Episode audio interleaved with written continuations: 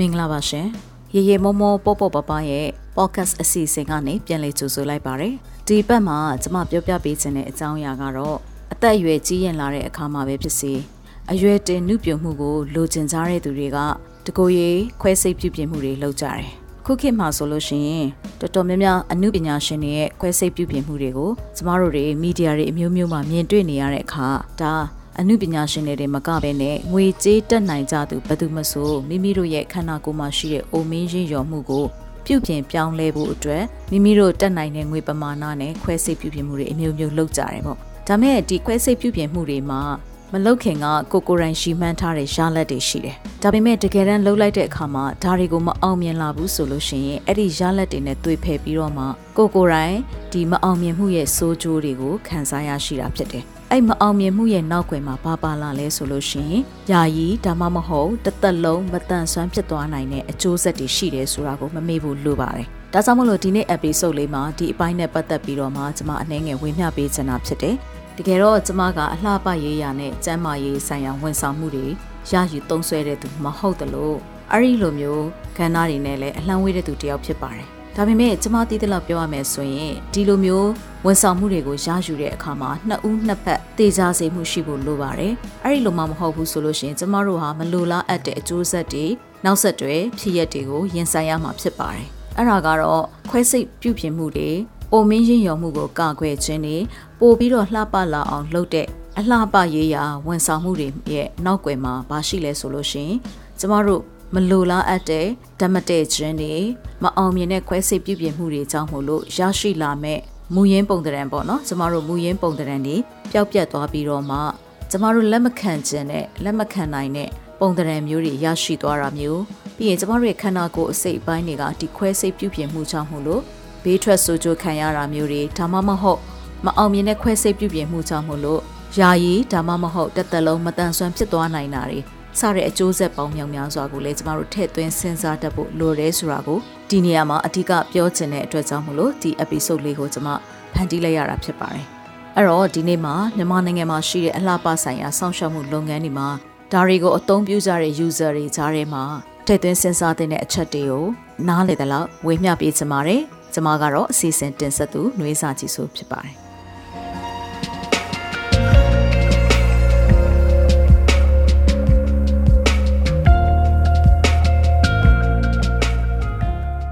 မင်္ဂလာပါခင်ဗျာမင်္ဂလာပါရှင်မြန်မာ Cinemability Network ကထုတ်လွှင့်တဲ့ရေရေမောမောပေါ်ပေါ်ပါပါ podcast အစီအစဉ်ကနေကြိုဆိုလိုက်ပါရစေဒီအစီအစဉ်ကမြန်မာလူမှုနယ်ပယ်မှာမတန်ဆွမ်းမှုအသိပညာတွေမြင့်တင်ပေးနိုင်ဖို့မတန်ဆွမ်းအတိုင်ဝိုင်းကဖြစ်ရဆုံးကဏ္ဍဆောင်ကိုမတူညီတဲ့ရှုထောင့်ပေါင်းစုံကနေလွတ်လပ်ပွင့်လင်းတဲ့တွေးခေါ်ဆင်ခြင်နိုင်မှုတွေနဲ့မျှဝေလိုချသူတွေရဲ့အတန်တွေကိုပြုစုပြောထောင်ဖော်ထုတ်ပေးနေခြင်းဖြစ်ပါတယ်။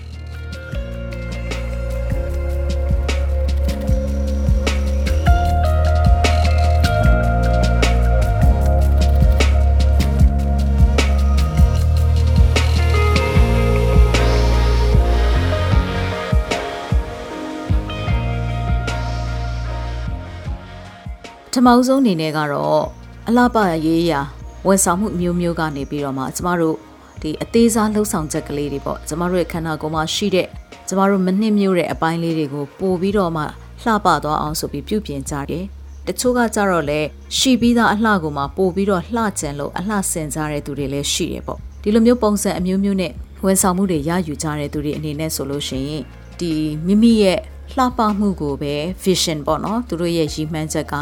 ရှိပြီးတော့မှဒီလှပလှုပ်လို့နောက်ဆက်တွဲရလာမဲ့ကိုမလိုလားအပ်တဲ့အကျိုးကျေးဇူးတွေဘေးထွက်ဆိုးကျိုးတွေပြီးလို့ရှိရင်မမျှော်မှန်းတဲ့ဖြစ်ရက်တွေကိုကျမတို့ကစနစ်တကျနဲ့လေးလာလှုပ်ဆောင်တာဝေဖန်ပိုင်းခြားပြီးတော့မှဒီဝန်ဆောင်မှုကိုရယူတာမဟုတ်လို့ရှိရင်ဒီအကျိုးဆက်တွေကိုကျမတို့ခံစားရမှာဖြစ်တယ် တကယ်တော့အသေးစားခွဲစိတ်မှုလေးတွေကဘာလေးတွေလဲဒါကျမနားလေတယ်လို့စကားလုံးနဲ့ပဲပြောသွားမယ်နီးပညာရဲ့ဆိုင်ရာစကားလုံးတွေကျမမကျွမ်းကျင်ပဲမသုံးကျင်ဘူးလှပြီးသားနေရာတွေကိုမှထပ်ပြီးတော့အလှဆင်ဖို့အတွက်ကျမတို့အပေါက်တွေဖောက်ကြရတယ်ပေါ့နော်အဲ့တော့ကျမတွေ့ရသလောက်ဒါတော်တော်များများကတချို့ဆိုလို့ရှိရင်စေးကန်းတွေမှာလောက်တာမဟုတ်ဘဲနဲ့လက်မှတ်ရဒီလိုမျိုးအလှပဝန်ဆောင်မှုပေးတဲ့သူတွေစီမှာလည်းခံယူကြတာကိုတွေ့ရတယ်အဲ့တော့ဒီအချိန်မှာကျမတို့က တူးကလူချင်းတဲ့အလှပရေးရာကိုတူးကအခကြေးငွေနဲ့ဝန်ဆောင်မှုပေးတာဖြစ်တဲ့အတွက်နှစ်ဦးနှစ်ဖက်မှာတေချာမှုရှိဖို့လိုအပ်တယ်လို့နှစ်ဦးနှစ်ဖက်ကလည်းအပြန်အလှန်အမိတဟဲပြုနေတာဖြစ်ပါတယ်။ဥပမာတစ်ဖက်သားလူချင်းတဲ့အလှပအိမ်မက်တွေကိုတစ်ဖက်သားကပုံဖော်ပေးရတာဖြစ်တဲ့အတွက်ဒီသူရဲ့လူချင်းတဲ့အရာတွေကိုရသွားမှသာလျှင်ဝန်ဆောင်မှုကအောင်မြင်ပြီးမြောက်တယ်လို့ကျမတို့သတ်မှတ်လို့ရနိုင်တာဖြစ်တယ်။ အဲ့တော့ခုခေတ်မှာဆိုလို့ရှိရင်တော့ဒီလိုမျိုးအသေးစားအလှအပပြုပြင်မှုတွေနဲ့အတူအကြီးစားအလှပပြုပြင်မှုတွေအထိရှိလာတာကိုတွေ့ရတယ်။ငကိုရောဆိုလို့ရှိရင်ကျမတို့နိုင်ငံကဒီလိုအလှပပြုပြင်ဖို့အတွက်နိုင်ငံရဲ့ခြားတွေမှာတွားပြီးတော့မှကုသမှုခံယူကြရတယ်။အခုဆိုလို့ရှိရင်စေပညာတွေ၊ဤပညာတွေတိုးတက်လာတာနဲ့အမျှကျမတို့နိုင်ငံမှာလည်းအဆင့်တန်းရှိရှိကျွမ်းကျင်ပြီးတော့မှဝန်ဆောင်မှုအပြည့်အဝပေးနိုင်တဲ့ နေရာမျိုးတွေလည်းရှိနေပြီဖြစ်တဲ့အတွက်နိုင်ငံခြားသွားစရာမလိုတော့ဘဲနဲ့မြန်မာပြည်မှာပဲဒီလိုမျိုးဝန်ဆောင်မှုတွေကိုရယူလာကြတာကိုတွေ့ရတယ်။အဲ့ဒီမှာအလွန်အသီးသီးမှာရှိကြတဲ့သူတွေကဒီလိုဝန်ဆောင်မှုတွေကိုရယူတဲ့အခါမှာတချို့ကကြတော့ငွေကြေးတက်နိုင်မှုမရှိတဲ့အတွက်မိမိလက်လှမ်းမီတဲ့ဝန်ဆောင်မှုတွေကိုရယူတဲ့အခါမှာကျွမ်းကျင်ပညာရှင်မဟုတ်တဲ့အခါကျတော့နောက်ဆက်တွဲအကျိုးကျေးဇူးတွေကိုခံစားရရှိလာတဲ့အခါမှာနှစ်ဦးနှစ်ဖက်တာဝန်ယူမှုတာဝန်ခံမှုရှိရှိနဲ့လှုပ်ဆောင်ဖို့ဆိုတာအားနည်းလာတာကိုလည်းကျွန်မတွေ့ရတယ်။ ဒါကဘယ်သူဘယ်သူကမှအပြစ်တင်ခြင်းမဟုတ်ဘဲနဲ့ဆိုလိုချင်တာကနှစ်ဦးနှစ်ဖက်ထည့်သွင်းစဉ်းစားမှုတွေအားနည်းတဲ့အတွက်ကြောင့်မို့လို့မလိုလားအပ်တဲ့အကျိုးကျေးဇူးတွေလူတစ်ယောက်ရဲ့ဘဝမှာရုပ်ပိုင်းဆိုင်ရာစိတ်ပိုင်းဆိုင်ရာထိခိုက်ခြင်းတွေခံစားသွားရနိုင်တယ်ဆိုတာကိုလည်းကျွန်မကထောက်ပြချင်တာဖြစ်ပါတယ်။အခုလိုမျိုးအသေးစားခွဲစိတ်မှုနဲ့အလှဆင်မှုတွေတွေမကပဲအကြီးစားဖြစ်ကြတဲ့ ခွဲစိတ်မှုတွေအထိလှုပ်ဆောင်လာနိုင်ကြတဲ့ခေတ်ကြီးမှာလည်းအောင်မြင်တဲ့ကဏ္ဍရက်တွေကိုကျမတို့မြင်နေရတယ်လို့မအောင်မြင်တဲ့အခါမှာလူတယောက်ရဲ့ဘဝမှာပြန်ပြီးတော့မှငွေကြေးပေးပြီးပြုပြင်လို့မရတော့တဲ့ရုပ်ပိုင်းဆိုင်ရာစိတ်ပိုင်းဆိုင်ရာမတန်ဆွမ်းမှုဖြစ်သွားတဲ့ကဏ္ဍမျိုးတွေကိုလည်းကျမတို့စိတ်မကောင်းစရာတွေ့မြင်ကြားသိနေရပါတယ် Magic. It's magic. Magic. Can I get the very it's magic? It's magic. Magic. Can I get the very it's magic? It's magic. အခုလိုမျိုးမရည်ရွယ်ဘဲနဲ့မိမိတို့ရဲ့ရုပ်ပိုင်းဆိုင်ရာပုံသဏ္ဍာန်တွေချို့ယွင်းသွားတာမျိုးရုပ်ပြက်စင်ပြက်ဖြစ်စေနိုင်သွားတဲ့ကိစ္စမျိုးတွေနဲ့တစ်သက်လုံးပြန်လည်ပြီးတော့မကောင်းတော့တဲ့မတန်ဆွမ်းမှုတစ်ခုခုဖြစ်သွားမယ်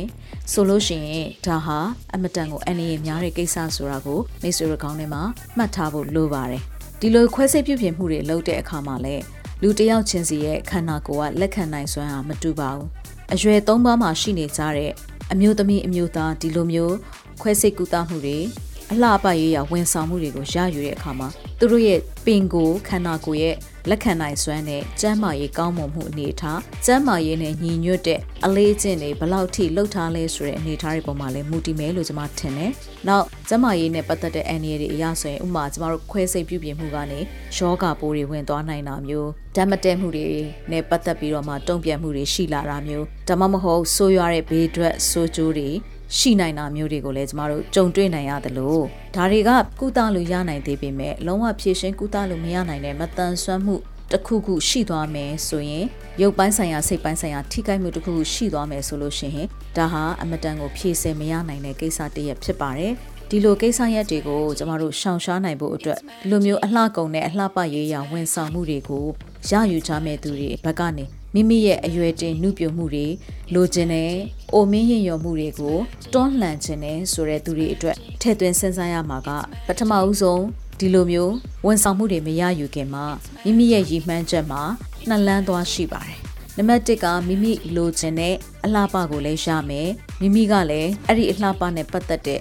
သုံးနိုင်တဲ့ငွေကြေးနဲ့ဝန်ဆောင်မှုပေးတဲ့နေရာတစ်ခုကိုတွားပြီးလုပ်မယ်ဆိုလို့ရှိရင်အရင်ဦးဆုံးဒီလုပ်ပေးမဲ့သူရဲ့ အရင်အချင်းနဲ့ဒီလုပ်ငန်းခွင်ရဲ့အနေအထားကိုတည်တည်ချာချာလေ့လာခဲ့ဖြစ်ဖို့လိုပါတယ်။ဘာဖြစ်လို့လဲဆိုတော့လက်မှတ်ရလားတကယ်ဆရာဝန်ကလုပ်ပေးမှလားဘယ်လိုပုံစံမျိုးသူ့ရဲ့အောင်မြင်ထိရောက်မှုတွေရှိသလဲပြီးလို့ရှိရင်သူကဘယ်လိုတာဝန်ယူမှုတာဝန်ခံမှုတွေရှိသလဲဆိုတာကိုကျမတို့သေချာသိဖို့လိုပါတယ်။နောက်တစ်ခုကကြတော့ကိုကိုရိုင်းကဒီလိုမျိုးဝန်ဆောင်မှုတွေကိုရယူပြီးတော့မှကိုယ့်ရဲ့ကျန်းမာရေးကြောင့်တော့လကောက်ကိုခနာကိုရဲ့လက်ခံနိုင်မှုအနေထားရတော့လကောက်တခုခု မလိုလားအပ်တဲ့ကိစ္စဖြစ်လာပြီဆိုရင်ဘယ်လိုရင်ဆိုင်ဖြေရှင်းမလဲဘလောက်တိုင်းတာထိလက်ခံနိုင်တဲ့အနေအထားရှိမရှိဆိုတာကိုကိုကိုရိုင်းကလည်းဝေဖန်ဆန်းစစ်ပြီးတော့ကြိုတင်ပြင်ဆင်ထားရမှာဖြစ်ပါတယ်ခွဲစိတ်မှုနောက်ဆက်တွဲကြောင့်မို့လို့ရောင်ရမ်းတာနာကျင်တာဒါတွေကိုခံနိုင်ရရှိတယ်ဆိုပါစို့ဒါပေမဲ့ဒီခွဲစိတ်မှုကြောင့်မို့လို့ပြန်ပြုပြင်မရနိုင်တဲ့ကိုယ့်ရဲ့ဖျားပေးတဲ့ရုပ်ရည်ပျက်စီးသွားတာမျိုးဒါမှမဟုတ်မ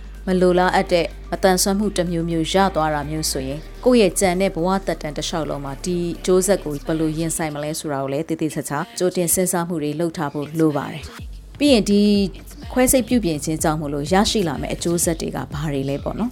ဥပမာဆိုပါစို့ကိုကပိုလှသွားလို့ရှိရင်ကိုလုပ်တဲ့လုပ်ငန်းခွင်မှာယုံကြည်မှုတွေပိုရှိလာမယ်အဲလူတွေရဲ့ချီးမွမ်းပြောဆိုမှုကိုခံရမယ် ကိုယ့်ရဲ့အလှအပကိုလည်းမှန်ကြည့်တိုင်းကျေနပ်နေစေမယ်ဒီကနေပြီးတော့မှဝင်ငွေရှာနိုင်တဲ့အနေအထားအထိကောင်းမွန်တဲ့အကျိုးဆက်တွေကိုကိုကမျှော်မှန်းတယ်ဆိုလို့ရှိရင်ဒီညှော်မှန်းတဲ့ကောင်းမွန်တဲ့အကျိုးဆက်တွေကတကယ်ရလာရင်တော့မိတ်ဆွေအတွက်အတိုင်းထက်အလွန်ပေါ့ရှင်တကယ်လို့များငွေလဲကုန်မယ် ကိုလည်းမူလရုပ်ရည်ကိုပြန်မရပဲမူလထက်ပို့ပြီးတော့မှတမျိုးမဟုတ်တမျိုးစိုးသွားနိုင်တဲ့ရုပ်ရည်မျိုးအတန်ဆွမ်းမှုမျိုးရသွားမယ်ဆိုရင်ကြံတဲ့တက်တန်းတစ်လျှောက်မှာကိုဘယ်လိုရင်ဆိုင်မလဲဆိုတာကိုလည်းထည့်တွက်ထားဖို့လိုပါတယ်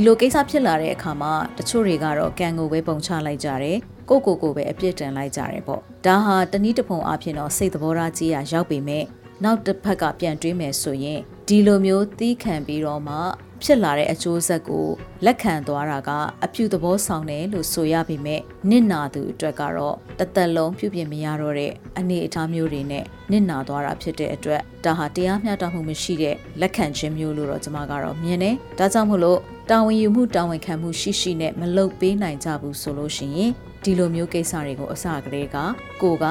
လက်တက်မဆန်းဖို့တက်ပါတယ်။အထူးသဖြင့်လူငယ်ပိုင်းတွေအနေနဲ့ အခုလိုမျိုးအမှားကိုမှားတာကိုတွေ့ရတဲ့အတွက်ကျမတို့ပို့ပြီးတော့စိုးရင်ပွဲရရှိပါတယ်။ဘာဖြစ်လို့လဲဆိုတော့ဒီလိုမျိုးခွဲစိတ်ပြုပြင်မှုတွေဆိုတာကလူရဲ့အသက်တစ်ချောင်းနဲ့လည်းဆိုင်နေတာဖြစ်တယ်လို့လူတစ်ယောက်ရဲ့အနာဂတ်နဲ့လည်းဆိုင်နေတာဖြစ်ပါတယ်။ကျမရဲ့အန်ရီတွေကိုကျမတို့စေးပညာအဖြစ်ဖြည့်ရှင်းနိုင်တယ်ဆိုပေမဲ့တော့ညာလဲကြံခဲ့တဲ့ရုပ်ပိုင်းစိတ်ပိုင်းဆိုင်ရာ ထိခိုက်မှုတွေကတော့ကျမတို့အချိန်ယူပြီးတော့မှဖြည့်ရှင်းရတဲ့ကိစ္စတွေဖြစ်တယ်လို့ဒီလိုမျိုးဖြည့်ရှင်းနိုင်ဖို့နီးလန်းတွေလုံလုံလောက်လောက်ရှိတယ်မရှိဘူးဆိုတာလဲကျမတို့အာမခံလို့မရတဲ့ခေတ်ဖြစ်ပါတယ်ဥမာစိတ်ပိုင်းဆိုင်ရာမှာဆိုရင်လည်းကျမတို့ဒီတချို့သူတွေဆိုလို့ရှိရင်ခွဲစိတ်ပြုပြင်မှုအထီတောင်မရောက်သေးပဲနဲ့အလှကုန်တဲ့ဝန်ဆောင်မှုတွေကိုတုံးခြင်းအပြင်ဘေးထွက်ဆိုးကျိုးတွေရရှိပြီးတော့မှမဖြေနိုင်မဆဲနိုင်မူလရုပ်ရည်ပြန်မရတဲ့အနေအထားမျိုးတွေလည်း ကြုံကြဘူးတာရှိမှာပါဒါပေမဲ့ဒါတွေဟာကိုယ့်ရဲ့ရုပ်ရည်အတွက်တရားမျှတမှုကိုပြန်ရှာဖွေမယူနိုင်ကြတဲ့အခါမှာယခုဖြစ်လာတဲ့အနေအထားအတိုင်းပဲလက်ခံပြီးတော့မှနှုတ်ဆက်ပြီးတော့နေသွားကြတဲ့သူတွေလည်းအများကြီးရှိတာကိုစိတ်မကောင်းဖွယ်တွေ့ရပါတယ်ဒါကြောင့်မလို့တကယ်တမ်းဝန်ဆောင်မှုတွေလုပ်တဲ့အခါမှာမိမိတို့ရဲ့ဝန်ဆောင်မှုတွေကိုအသုံးပြုမဲ့သူတွေအတွက်လည်းထည့်သွင်းစဉ်းစားမှုတွေကိုစနစ်တကျလုပ်ဖို့လိုသလိုဥပဒေရေးရာကျင့်ဝတ်ပိုင်းဆိုင်ရာနဲ့ပတ်သက်ပြီးတော့လည်းဘေးကင်းဖို့နဲ့ကျန်းမာရေးကို အထောက်အကူပြုကြောင်းတေချာစေဖို့အတွက်လည်းတာဝန်ယူမှုတာဝန်ခံမှုရှိရှိနဲ့လုပ်ဖို့လိုတယ်လို့မြင်မိပါတယ်။အထူးသဖြင့်မိမိရဲ့ဝန်ဆောင်မှုကိုရယူမဲ့သူရဲ့လုံခြုံဘေးကင်းရေးကိုအလေးထားပြီးတော့ထည့်တွက်ဖို့လိုပါတယ်။ပြီးလို့ရှိရင်မိမိပေးတဲ့ဝန်ဆောင်မှုရဲ့အရေးအသွေးကိုလည်းတည်တည်ချာချာစောင့်ရှောက်ထားနိုင်မှသာလျှင်ကိုကိုရိုင်းဟာကျွမ်းကျင်တဲ့ပညာရှင်ဒါမှမဟုတ်ကျွမ်းကျင်တဲ့ဝန်ဆောင်မှုပေးသူတယောက်အနေနဲ့ရေရှည်ရပ်တည်နိုင်မှာဖြစ်ပါတယ်။မိမိရဲ့ဝန်ဆောင်မှုပိုင်းဆိုင်ရာအရေးအသွေးပြည့်ဝဖို့အတွက် လာရောက်ကုသမှုခံယူသူတဦးချင်းစီမှာကြုံတွေ့နေတဲ့စိန်ခေါ်မှုတွေကိုအရေးအသွေးရှိရှိနဲ့တစ်ဖက်ကကုသမှုခံယူသူရဲ့ဘေးကင်းလုံခြုံရေးနဲ့ကျန်းမာရေးပိုင်းကိုပါထည့်သွင်းစဉ်းစားပြီးတော့တစ်ဖက်မှာလည်းကိုကိုရန်ရဲ့ပေးနိုင်တဲ့ဝန်ဆောင်မှုအရေးအသွေးကိုလည်းစနစ်တကျနဲ့ဘေးကင်းလုံခြုံမှုအပေါ်ဒီမှာအခြေခံပြီးတော့မှ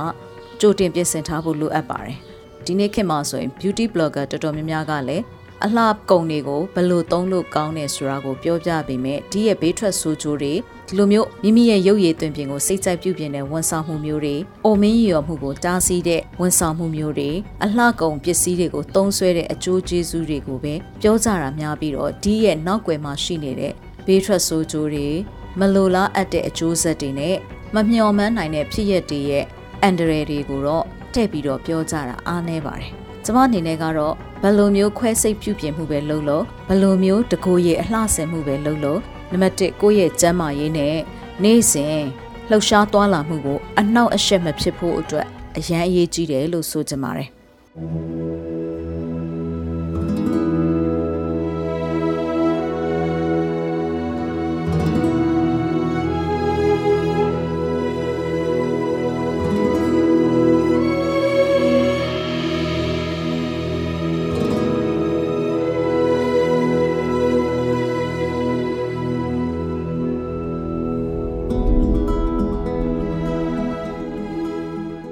သဖြင့်မျက်နာတစ်ခုလုံးမှာအရေးကြီးတဲ့အစိတ်အပိုင်းကမျက်လုံးနဲ့နားနဲ့အဲ့တော့အလှပရေးရဝန်ဆောင်မှုရယူကြမဲ့သူတွေအနေနဲ့မိမိတို့ရဲ့မျက်လုံးမိမိတို့ရဲ့နားစတဲ့ဒီအပိုင်းတွေကိုထိတွေ့ကင်တွယ်မဲ့သူတွေဟာတကယ်ကျွမ်းကျင်သူတွေဖြစ်ရဲ့လားဝန်ဆောင်မှုရောတကယ်ကောင်းရဲ့လားအရှိမကောဘလို့ပုံစံမျိုးကောင်းမွန်တဲ့ရလက်တွေပိုင်ဆိုင်သွားတဲ့အသုံးပြုသူတွေဘယ်နှယောက်ရှိသလဲပြီးလို့ရှိရင်အမျိုးမျိုးသောအကြောင်းအရာကြောင့် ဒီလိုမျိုးတစ်ဖက်သားကကျွမ်းကျင်မှုရှိနေတော့လဲပဲကိုယ့်ရဲ့ခန္ဓာကိုယ်ပိုင်းဆိုင်ရာအရာဒီကုသမှုဒါမှမဟုတ်ဒီလိုပြုပြင်ပြောင်းလဲမှုကိုလက်ခံနိုင်ဖို့အတွက်ကောတင့်တင့်မျှတတဲ့ကျန်းမာရေးရှိရဲ့လားအဲ့ဒီလိုကျန်းမာရေးတွေကရောအချိန်ယူပြီးလုပ်ရမှာလားဒါမှမဟုတ်လက်တလောအခုကိုဖြစ်ချင်နေတဲ့အချိန်မှာထလုပ်လိုက်လို့အဆင်ပြေရဲ့လားနောက်တစ်ခုကတော့ငွေရေးကြေးရေးပေါ့ကိုလိုချင်တဲ့ဝန်ဆောင်မှုကို ရဖို့အတွက်ငွေရေးကြေးရေးကလုံလောက်ရဲ့လားမလုံလောက်တဲ့အတွက်ကြောင့်မို့လို့ကိုကအဆင်ပြေတင့်တော်တယ်လို့ထင်တဲ့နေရာမှာကျွမ်းကျင်မှုမရှိတဲ့သူတယောက်ကိုတွားပြီးတော့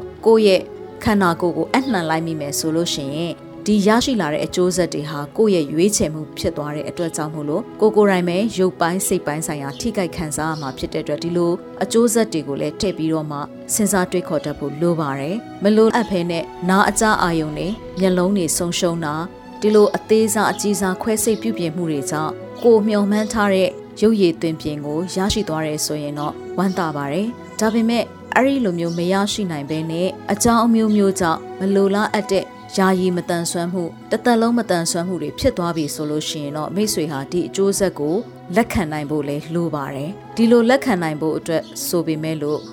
မိမိရဲ့ ဝန်ဆောင်မှုမရယူခင်ကကြိုတင်တွေးတောမှုတွေကိုသာပြုပြင်ပြောင်းလဲနိုင်ခဲ့မယ်ဆိုရင်ဒီလိုမျိုးမလိုလားအပ်တဲ့ကိစ္စမျိုးတွေကိုကျမတို့ရှောင်ရှားနိုင်မှာဖြစ်ပါအဲ့တော့ကျမဒီကာလမှာကြားရတဲ့ကိစ္စတွေက online ပေါ်မှာပြတ်နေတယ်တော်တော်များများကဒီပေါ်မှာသဘောထားကြည့်မှုကိုပဲ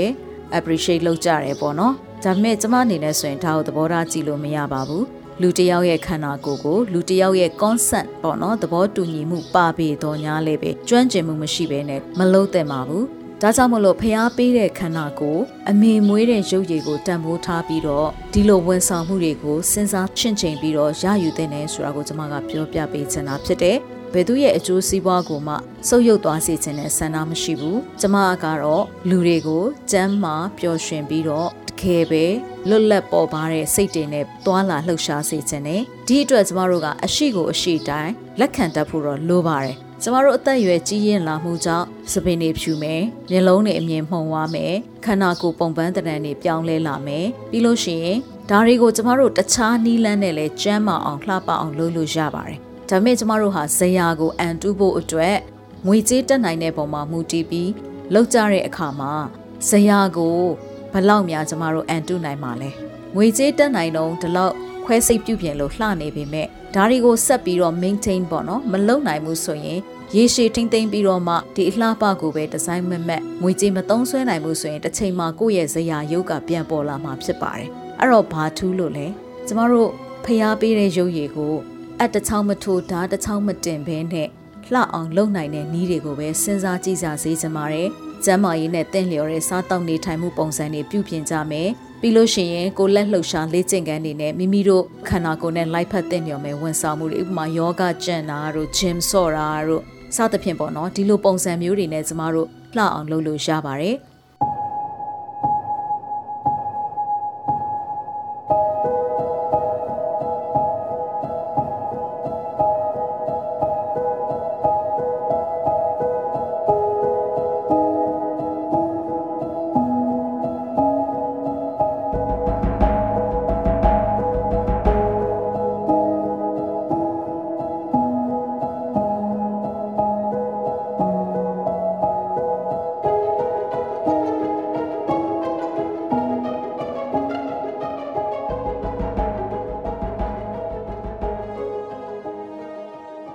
သက်အရွယ်အဖြစ်ဖြစ်လာတဲ့ကျမတို့ရဲ့အရေးပြားတွေရော့တွဲလာတာအမြင်တွေမှုံဝါးလာတာ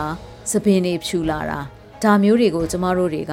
အန်နီရမရှိတဲ့နီးလန်းနေနဲ့ဘယ်လိုပုံစံမျိုးထိမ့်သိမ့်ကြမလဲဆိုတာကိုစဉ်းစားနိုင်ရင်ပိုကောင်းပါတယ်။နောက်တစ်ခုကကြတော့မလိုလားအပ်တဲ့မတန်ဆွမ်းမှုတွေရလာပြီဆိုရင်မိမိကဒီမတန်ဆွမ်းမှုကိုအရှိတိုင်းလက်ခံပြီးတော့မှဘယ်လိုပုံစံမျိုးဒီဘဝနဲ့အကောင်းဆုံးနေနိုင်သွားမလဲဆိုတဲ့လမ်းကြောင်းကိုလည်းရှာဖွေလေ့လာဖို့လိုအပ်ပါတယ်။ ဒီတိုင်းဒီဖြစ်ရက်ကြီးကိုလက်မခံနိုင်ပဲနဲ့ကြိတ်မနိုင်ခဲမရခံစားပြီးတော့တောကတွေထပ်များနေမဲ့အစားမိမိရဲ့သဘောဆန္ဒပါသည်ဖြစ်စေမပါသည်ဖြစ်စေဒီဖြစ်ပေါ်လာတဲ့အကျိုးဆက်တစ်ခုကြောင့်ရရှိလာတဲ့မတန်ဆွမ်းမှုကိုလည်းကိုကလက်ခံနိုင်ရမယ်။အဲ့ဒီမတန်ဆွမ်းမှုနဲ့ကိုဘလို့ကြံတဲ့ဘဝသက်တမ်းကိုအကောင်းဆုံးရင်ဆိုင်သွားမလဲ။အကောင်းဆုံးပြင်ဆင်ပြီးတော့မှ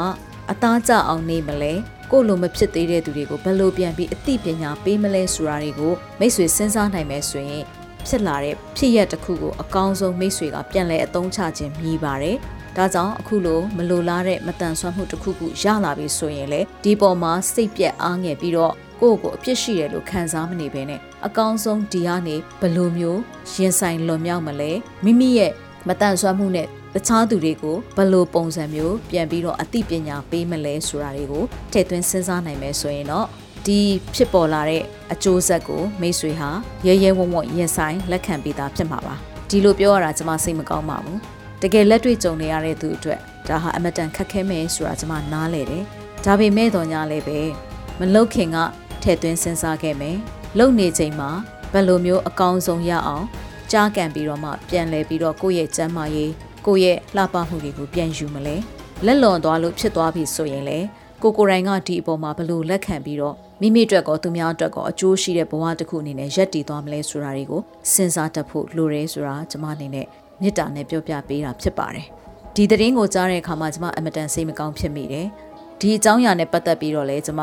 စိတ်ထဲကတနှုံနှုံခံစားရတယ်ကျမတို့ရဲ့ခန္ဓာကိုယ်ဟာသူများတွေရဲ့ပညာရဲ့ပိုင်းဆိုင်ရာစမ်းသပ်ဖို့အတွက် လူဖြစ်လာခဲ့ကြတာမဟုတ်ပါဘူးအတော်များများပြောကြတဲ့ကန့်မကောင်းအကြောင်းမလှလို့ဒီလိုဖြစ်ခဲ့တယ်ဆိုရင်လေဒါဟာကိုယ့်ရဲ့ရွေးချယ်မှုဆိုပြီးပြစ်တင်နေစရာမလိုပါဘူးငကိုယ်တည်းကသာနှစ်ဦးနှစ်ဖက်ထည့်သွင်းစဉ်းစားမှုမှန်မှန်ကန်ကန်ရှိခဲ့မယ်။တာဝန်ယူမှုတာဝန်ခံမှုအပြည့်ရှိခဲ့မယ်။လေလာဆန်းစစ်မှုတွေရှိခဲ့မယ်ဆိုရင်ဒီလို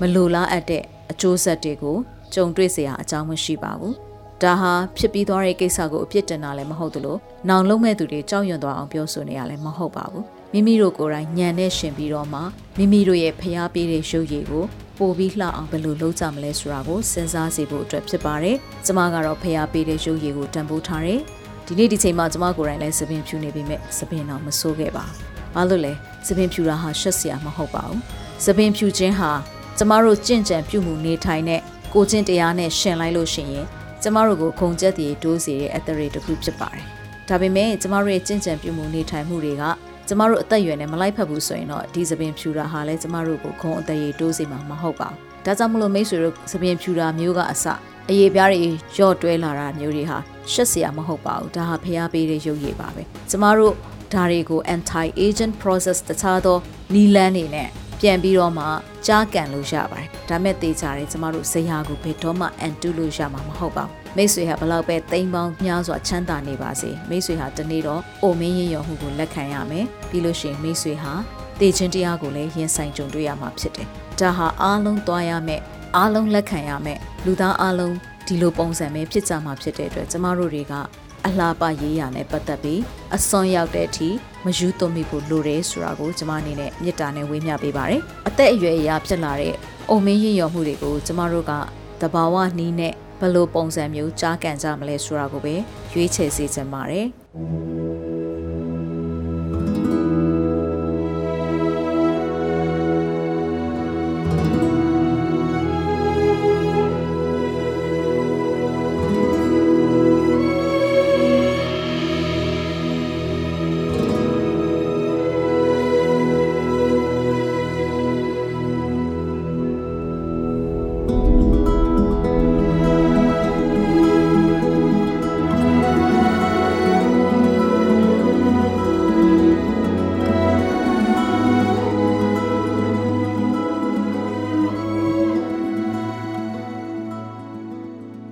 လောက်ပဲမိတ်ဆွေပတ်စံပေါ်များလို့အလှပတွေကိုဝယ်ယူနေပါစေတနေ့ဒီလှပတွေဟာမိတ်ဆွေနဲ့အတူသေခြင်းတရားကိုရင်ဆိုင်ရမှာဖြစ်ပါတယ်ဒါကြောင့်မလို့ကျမတို့တွေကလက်ရှိဘဝမှာဖျားပေးတဲ့ရုပ်ရည်နဲ့ဖျားပေးတဲ့အသက်အတိုင်းတာမှာနေရင်းနဲ့ကျမတို့ရုပ်ထက်စိတ်ပူလှအောင်စူးစမ်းကြရအောင်လားလို့ကျမတို့ရဲ့အတွေးခေါ်တွေစင်ကျင်တုံတရားတွေမေတ္တာတရားတွေဒါတွေကိုပို့ပြီးတော့ကောင်းမွန်အောင်ကျမတို့ခွဲစိတ်ပြုပြင်စရာမလိုဘဲနဲ့လှုပ်လို့ရတာဖြစ်ပါတယ် ဒီရုပ်တရားတွေကိုစိတ်တရားကဥဆောင်နေတာဖြစ်တဲ့အတွက်စိတ်ပိုင်းဆိုင်ရာမှာအကြည်ဓာတ်ရှိလာပြီဆိုရင်ရုပ်ဟာဘယ်အရွယ်ပဲရောက်ရောက်အိုမင်းရင်ရော်နေပြီမဲ့တင့်တယ်လှပနေမှာဖြစ်ပါတယ်အဲ့လိုအကြည်ဓာတ်လေးနဲ့ပဲကျမတို့ရဲ့ဘဝကိုပိုလှအောင်လုပ်ကြရအောင်လို့တိုက်တွန်းအားပေးချင်တာဖြစ်ပါတယ်လက်ရှိမအောင်မြင်တဲ့ခွဲစိတ်ပြုပြင်မှုကြောင့်မို့လို့ယောဂဝေဒနာခံစားနေရတဲ့သူတွေလည်းအမြန်ဆုံးသက်သာပြောက်ကင်းပါစေ မိမိတို့ရဲ့ငကိုအနေထားရုပ်ရည်နဲ့ခန္ဓာကိုယ်ကျမ်းမာတန်ဆွမ်းမှုကိုအမြန်ဆုံးပြန်လည်ရရှိပါစေလို့ကျွန်မဆုတောင်းပေးလိုက်ပါတယ်အားလုံးကိုကျေးဇူးတင်ပါတယ်ရှင်